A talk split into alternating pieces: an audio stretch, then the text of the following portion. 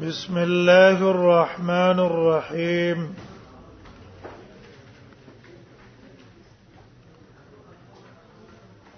باب ما جاء في زكاة البقره باب دې بیان دا حدیث کې چراغله ده بیان د زکات د غواګانو کې چې په غواګانو کې څونه نصاب دی په څونه مقدار کې زکات لازم ده او کم کم شی به په زکات کې اخلي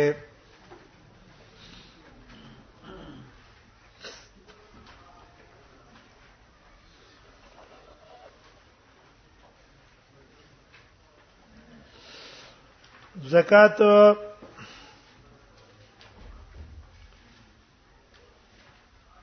مشهور قول د جمهور علماو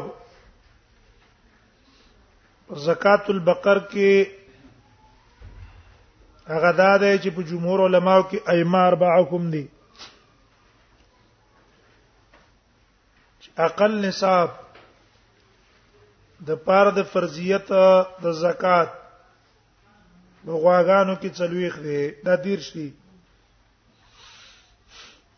کله چې تا غواګانې دیر شو ته ورسې ده په تا باندې زکات فرض ده زکات به ورکه او چې د دیر شتونه کمی وي دا د دې شتونه کمې وي زکات پکې نشته د دې شتونه کمې وي زکات پکې نشته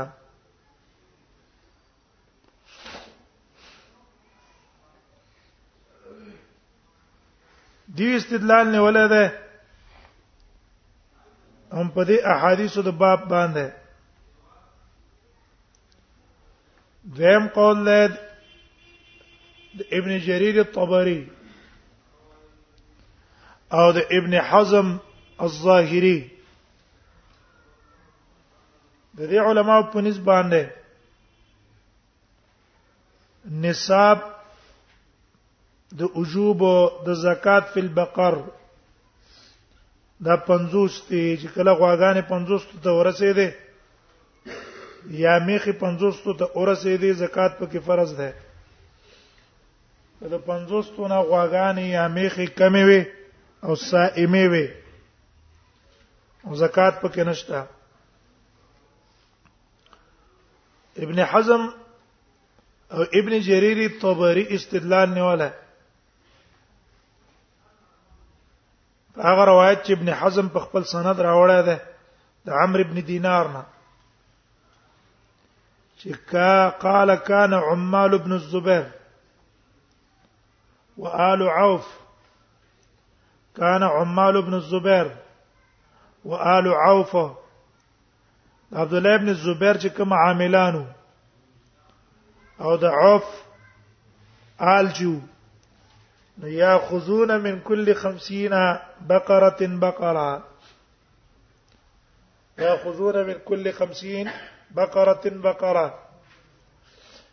هر 50 غواګان نو به یو غوا غستله ومن كل 100 بقرتين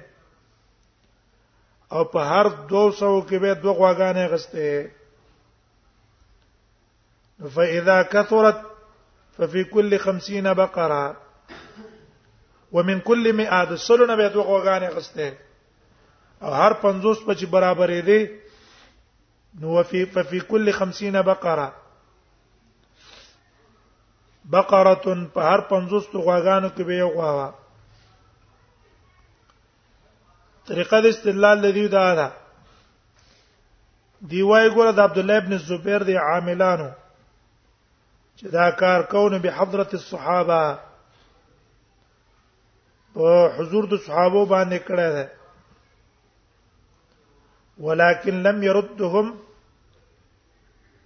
او اثرت فلم ينكروا عليهم او یا لم يردوا عليهم دې صحابه په دې انکار هم نه کړي رد هم نه کړي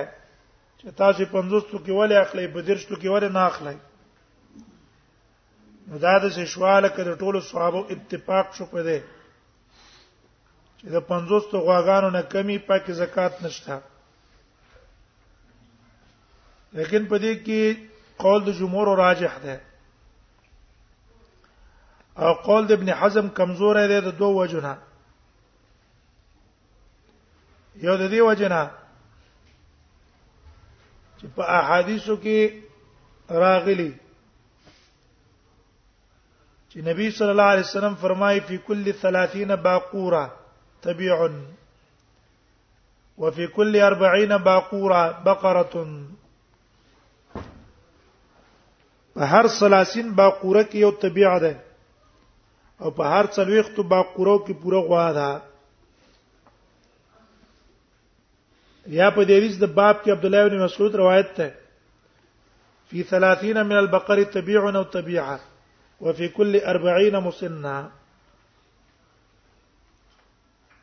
دارنګ حدیث د معاذ ابن جبل له چې معاذ ابن جبل نبی صلی الله علیه وسلم یمن ته لېګلو نو پاره کې ویلي چې په هر دیرشتو کې با یو تبي اخلي او په څلويختو کې با مسن اخلي او دا روایتونه صحیح روایتونه دي ټول ائمه او تصحیح وره دویمه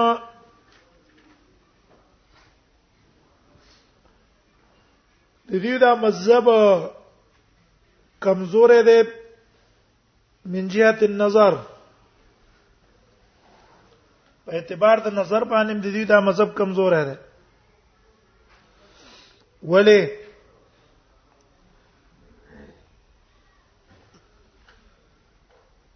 او خاص کر چې سړی دې ته وګوري چې ګوره احکام د شرع ټول بنا دي په عدل او په انصاف باندې بنا دي ګوره په څلويختو ګړو کې شریعت را لګي یو ګړه په کې لازمه وي څه کوي سلويختو ګړو کې شریعت را لګیدل یو ګړې لازم کړه او را لګیږي دی غواګان چې د ګړو نه پچن په څو چنده قیمتي دي او دا هغه په دیرشتو په څلوختو کې د زکات نه لازمې تر څو پورې 50 تر ونه رسیږي دا د عدل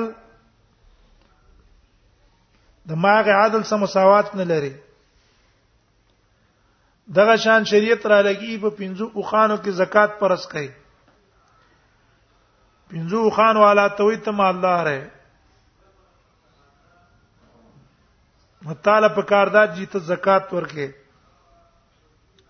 او بیا دا شریعت را لګيږي یو تن څه دی 50 غواګان نه کمی چې هغه د 50 اوخانو په څو چند باندې قیمتي دي او په هغه د زکات نه لازمه یغه ته د مالدار نه وي دا د نظر او عقل سره موافق نه ده دیو جن دا قول ابن حزم کمزور شو دریم قول د سعید بن مسیب ده د زهري ده د ابو قلابه ده دی وای ان نصاب البقره هو نصاب الابل د غواګانو نصاب بینه نصاب د اوخانو او یوخذ فی زکات البقر ما یوخذ من الابل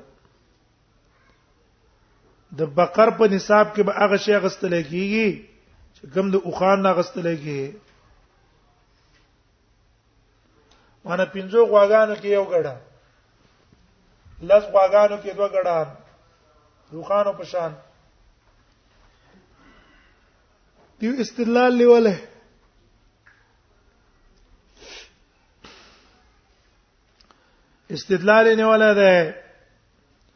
بما رواه ابو عبيد ابو عبيد روایت راوړی په کتاب الاموال کې بسنده الى محمد ابن عبد الرحمن هغه کې دي وان في كتاب صدقه النبي صلى الله عليه وسلم وي په اخت کې چې پای کې نبی صلی الله علیه وسلم د زکات احکام لیکلو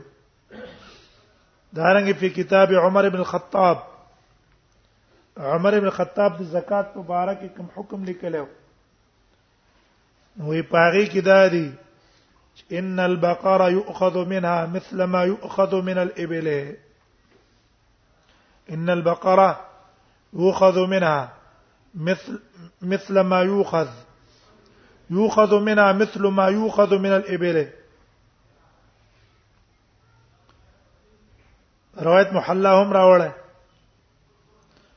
وی ګوره په دې کې دی چې د غواګانو نه با دا چې زکات اخلي لکه د اوخان نه چې څنګه غستل کیږي د اوخانو نه چې پنځه اوخانې نو څه ته غستل کیږي یو غړ ما یو خذو من الابل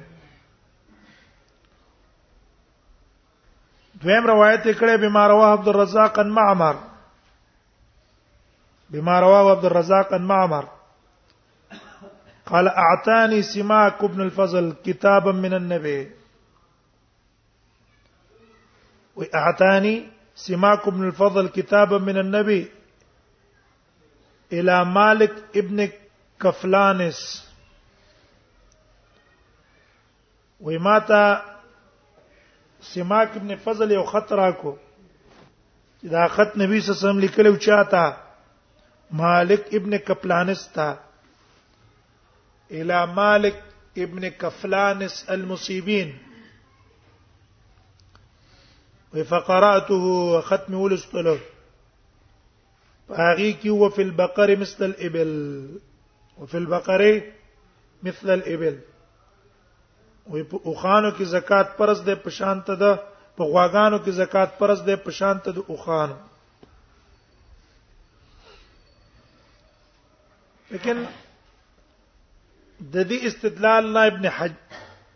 ابن حزم جواب کړي په المحلا کې ان الاحاديث غیر متصله دا دوه روایتونه چې د نیولې دا متصل نه دي او ولا حجته الا بالمتصل او حجت په چا باندې په متصل باندې په متصل چې کوم رسول الله صلی الله علیه وسلم تر رسیدلی په حدیث کې حجت دي او چې رسول الله صلی الله علیه وسلم سره متصل نه په هغه کې هغه نشتا استدلال پاغي سي نه ده دا اختلاف په مقدار کې دیو جن مصنف باب کې قصتبا او ماجا فی زکات البقره باب د بیان د آیه کې چې راغلي ده په مقدار د زکات د اوخانو کې وبي قال سنا محمد بن عبيد المحاربي وابو سعيد الاشج قال حدثنا عبد السلام بن حرب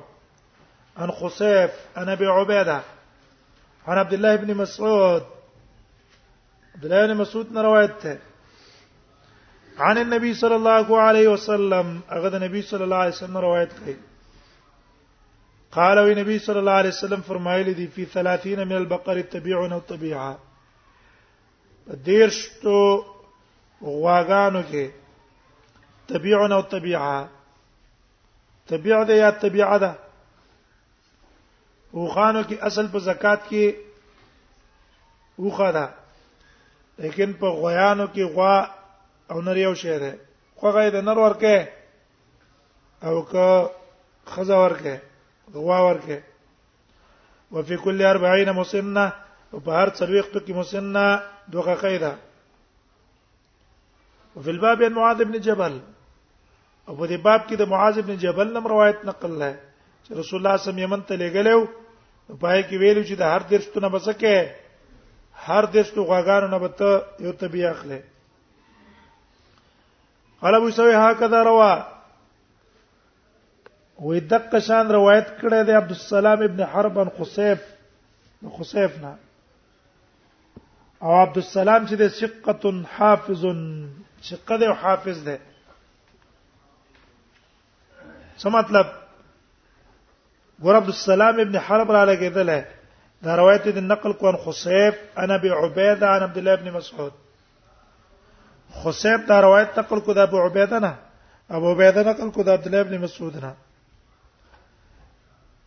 لیکن شریک را لګیدل دی شریک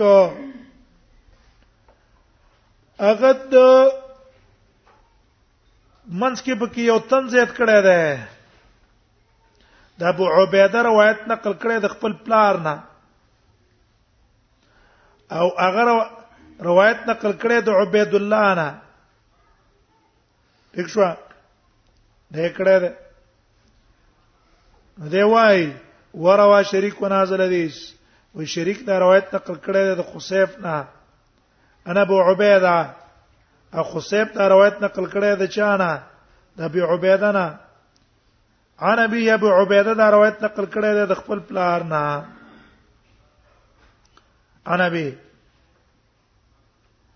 عن عبيد الله د عبيد الله انا غره په منځ کې په څوک زیات کړی دی اے په منځ کې نقل کړی دا ابو عبیده ابو عبیده پلار په کې زیات کړی دی دا واسطه په کې زیات کړه کنه انو عبید الله وابو عبيد ابن عبد الله لم يسمع من ابيه دی وای خو ګور ابو عبيد ابن عبد الله چې کوم نه کنه لم يسمع من ابيه ورته خپل پلار نه روایت نه نقل کړه روایت څه شلو منقطع شو کنه داغه سما ثابت نه ده وبي قال حدثنا محمود ابن غيلان قال سنة عبد الرزاق قال سنة سفيان الأعمش عن أبي وائل المسروق عن معاذ بن جبل معاذ بن جبل نے روایت قال بعثني النبي صلى الله عليه وسلم الى اليمن وإذا النبي صلى الله عليه وسلم يمن تولى قلم فأمرني لما تحكمك وأنا أخذ من كل ثلاثين بقرة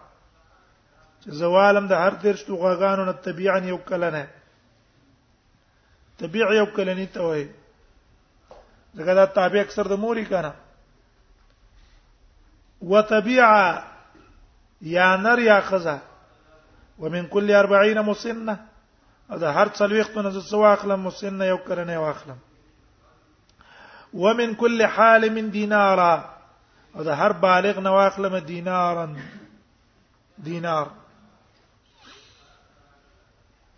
یمن ته لګلو د پاره د جزیه چې تبه جزیه اخلي جزیه به چا نه اخلي من کل حال من دینار دینه معلوم شو چې جزیه چې اغستل کیږي د چا نه باغستل کیږي د عاقل نه بالغ نه په ماشوم باندې جزیه نه ماشومه جزیه نه په ملک کې د عیسیانو اولاد ده جزیه به د بالغ نه اخلي در کوټی نه به نه اخلي من کل حالم نه معلوم شي من کل حالم دیناره هر حالم نه به اخلم دینار یو دینار به اخلم یا بداغه او عدله یا د دینار سم موافق معافری کپڑے په یمن کې به جوړې دي یمن کې به څه جوړې دي کپڑے به جوړې دي او الته قیمتي وي نو چې د دې سره کوم مساوي د یو دینار چې کوم مساوي کپڑے دي دونه به تخلي دیو جن د بویل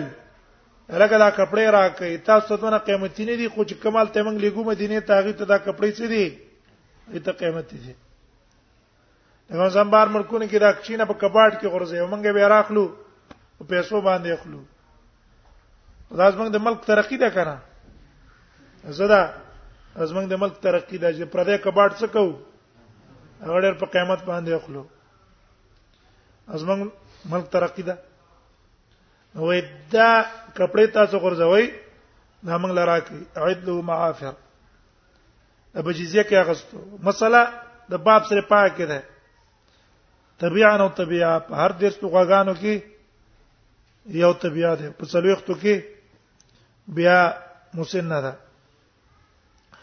قال ابو سوي ازادي سنن سنن وروا بعض ما زر حدیث سفیان عن الاعمش دا حدیث نقل کړی سفیان الاعمش نه عن ابي وائل المسروق ان النبي صلى الله عليه وسلم بعث معاذ اليمن فامره ان ياخذها ان النبي صلى الله عليه وسلم بعث معاذ اليمن فامره ان ياخذها وهذا صح څه مطلب اے مسروق اصل کې دا روایت مرسل نقل کړه ہے او پاس روایت کې مسروق د معاذ ابن جبل نه کړه ده کنه ده نو کم کې چې معاذ ابن جبل نه ذکر شوی دا اصح ده وهذا صح وبي قال سن محمد بن بشار قسم جعفر قسم شوب عن عمرو بن مره قال سالت ابا عبيده تعال تذكر من عبد الله شيئا قال لا دا د مخکې د پار دلیل ذکر کوي چې ابو عبیده د چا سره ملاقات نه شوه عبد الله بن مسعود سره ملاقات نه شوه د خپل پار سره ملاقات نه شوه وتا د عبد الله بن مسعود نه څو ریدلی به ما ته قصنه دی یاد باو ما جاء فی کراهیت اخذ خيار المال صدقه بعد بیان د دې کې چې په زکات کې بهترین مال اغستل لا جایز نه دي نو دغه چې ردی مال ورکول هم جایز نه دي ته حاکم مقرر کړي چې ورچ پلان کې نه زکات راغون کا ته چې کسان له زکات تخلي بهترین مال به تسنه کې او ته نه اخلي بهترین شی ته واخلي بلکې وسط ته اخلا وسط وبي قال سنا ابو كريب قال سنا وكي قال سنا ذكر ابن ساق المكي قال سنا حمد عبد الله بن سيفي انا بما بدن ابن عباس ان رسول الله صلى الله عليه وسلم معاذ اليمن ونبي صلى الله عليه وسلم معاذ يمن ته ولېګلو نبی سلام معاذ یمن ته لګلې وو یو خدای ته وجنه چې معاذ باندې قرضونه ډیر راغلي ولې معاذ ډېر سخی انسان چا وس امانت کې قسطون د بو تویل د شکارو کوي چې امانت کې کمال برباد شو ضایع شو نو تاوان ستاسو ده مال قرض راکړي نو په قرض په صورت کې قضایا شو تاوان به په ما باندې هغه به قرض ورکو نو قرض به چې ورکو به خو تصرف پکې جایز شو کنه د به استغمال نفقه کو صدقه به کو اخر پسې کسان رال قرضونه ته غوښته او د سره خو به تا غنو نبی صلی الله علیه وسلم ته یمن تلاش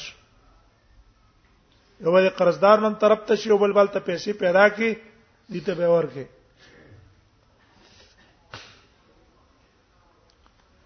نو یمن ته ولېګره بعث معاذ اليمن فقال نو تویل انک تاتی قوما اهل کتاب یقینا تب راضی یو قوم اهل کتاب ته یو ته ولی ویل د دې د وجنه خبره ولور کو چې ګورا اهل کتاب ته چې ورزي اغه ته دعوت جدا طریقه ده عوام ته دعوت جدا طریقه ده عوام ته سره کینی او اصطلاحي مقپا بیان او اصطلاحي بیانونه کوي عوام خلک پاغې نه پويږي کوم عربي اصطلاحات په استعمال ہے عوام په نه پوي عوام ته په ساده طریقه باندې خبرې کوي او چې طلباء او تناسته د طلباء متعلق په بیان کې او چې علما د تناسته نه د علما په اصطلاح مطابق په بیان کې دیوژن توي ګورته کتاب ته ورځي هغه ته دعوت طریقه جدا ده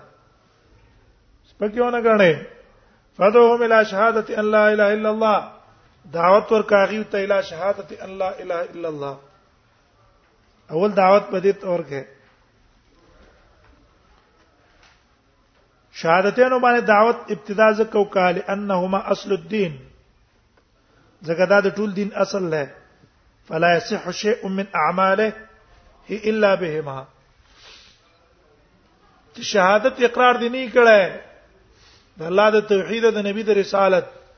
ارڅونه اعمال او کې داست عمل د الله په نسبت باندې مقبول نه ده تر څو پورې چې تا اقرار او شهادت نه کړه به جمهور علماو په دې باندې دلیل نه ولای چې دخول فی الاسلام کې نطق به احد الشهادتين کافی نه ده ترڅو پورې چې دوانه د اقرار دي نه کړه زړه په اسلام کې داخلي کی او وای اشهد ان لا اله الا الله بس او د نبی صلی الله علیه وسلم د رسالت شهادت ورنکو دا په اسلام کې نه داخليږي ولې دلته څه ویاله ول دعوت به څور کې فدعهم الى شهاده ان لا اله الا الله واني رسول الله او د دې خبرې چې زه د الله رسول یم بیا په دې باندې علما استدلال نیولای اول واجب اول الواجب آیا معرفت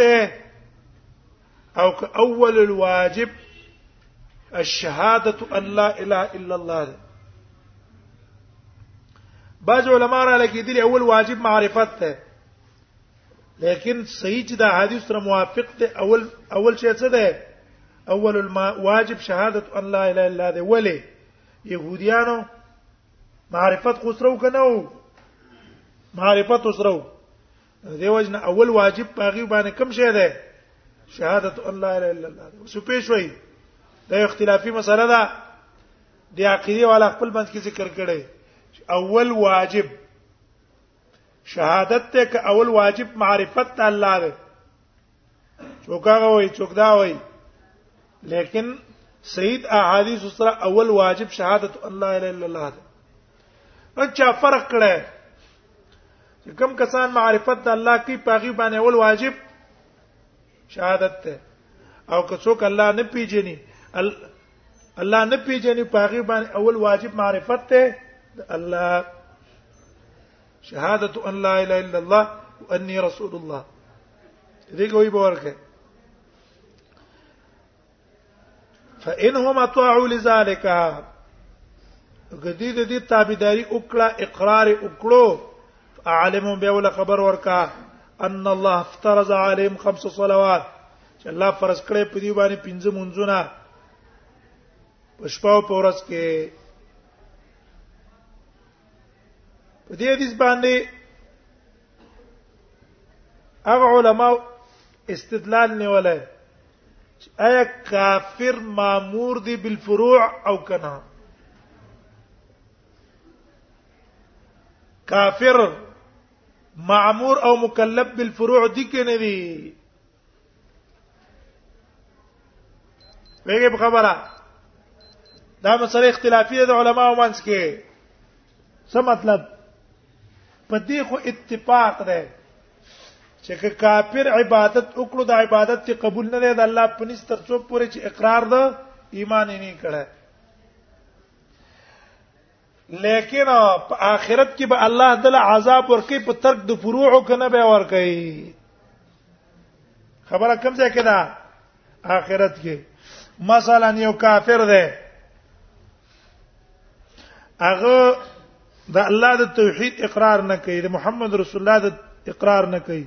او د اقرار سره سره منځونه کوي زکات ور کوي روزي هم نيسي دښوا وسه شته ده حج لته ده او بل کافر دا کارونه نه دي کړی نو قیامت پورز باندې آیات د عذاب صرف په ترک د ایمان ور کیږي اچھا چې نه ده کړه او کنه د ترک د ایمان سره په ترک الصلاه په ترک زکا په ترک صوم به هم عذاب ور کیږي وزن ته خبر رااله نو دا اختلافي مسله ده یو قول علماء او دا ده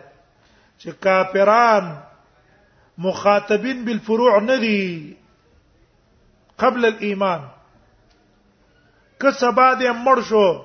الله بدل عذاب صرف په ترک د ایمان ور کوي عذاب به ته په ترک د صلات په ترک د زکات په ترک د حج په دی با نه ور کوي یو قول دویم قول د علماو چې هغه راجح ده او د دلایل سره برابر دلایل سره قوی ده هغه دا ده چې کافران مخاطب دي بالفروع هم دي کافر ته په قیامت پورز باندې الله یو عذاب ورکی بتر کې ایمان بل عذاب به تور کې بتر کې صلاه بتر کې زکات بتر کې الحج بتر کې صوم ولې اعلان کول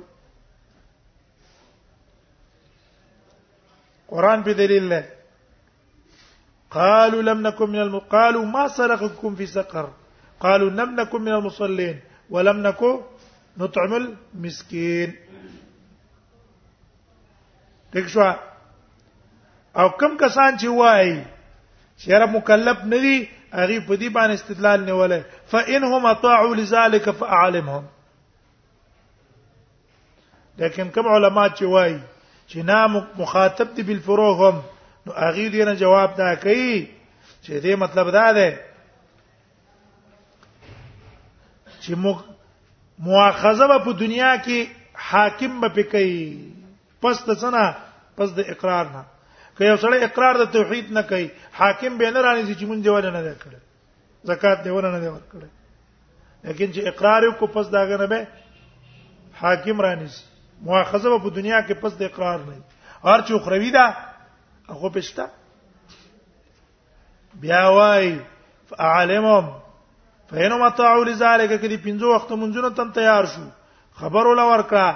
ان الله افترض عليهم صدقه الله په دې زکات پرس کړی دی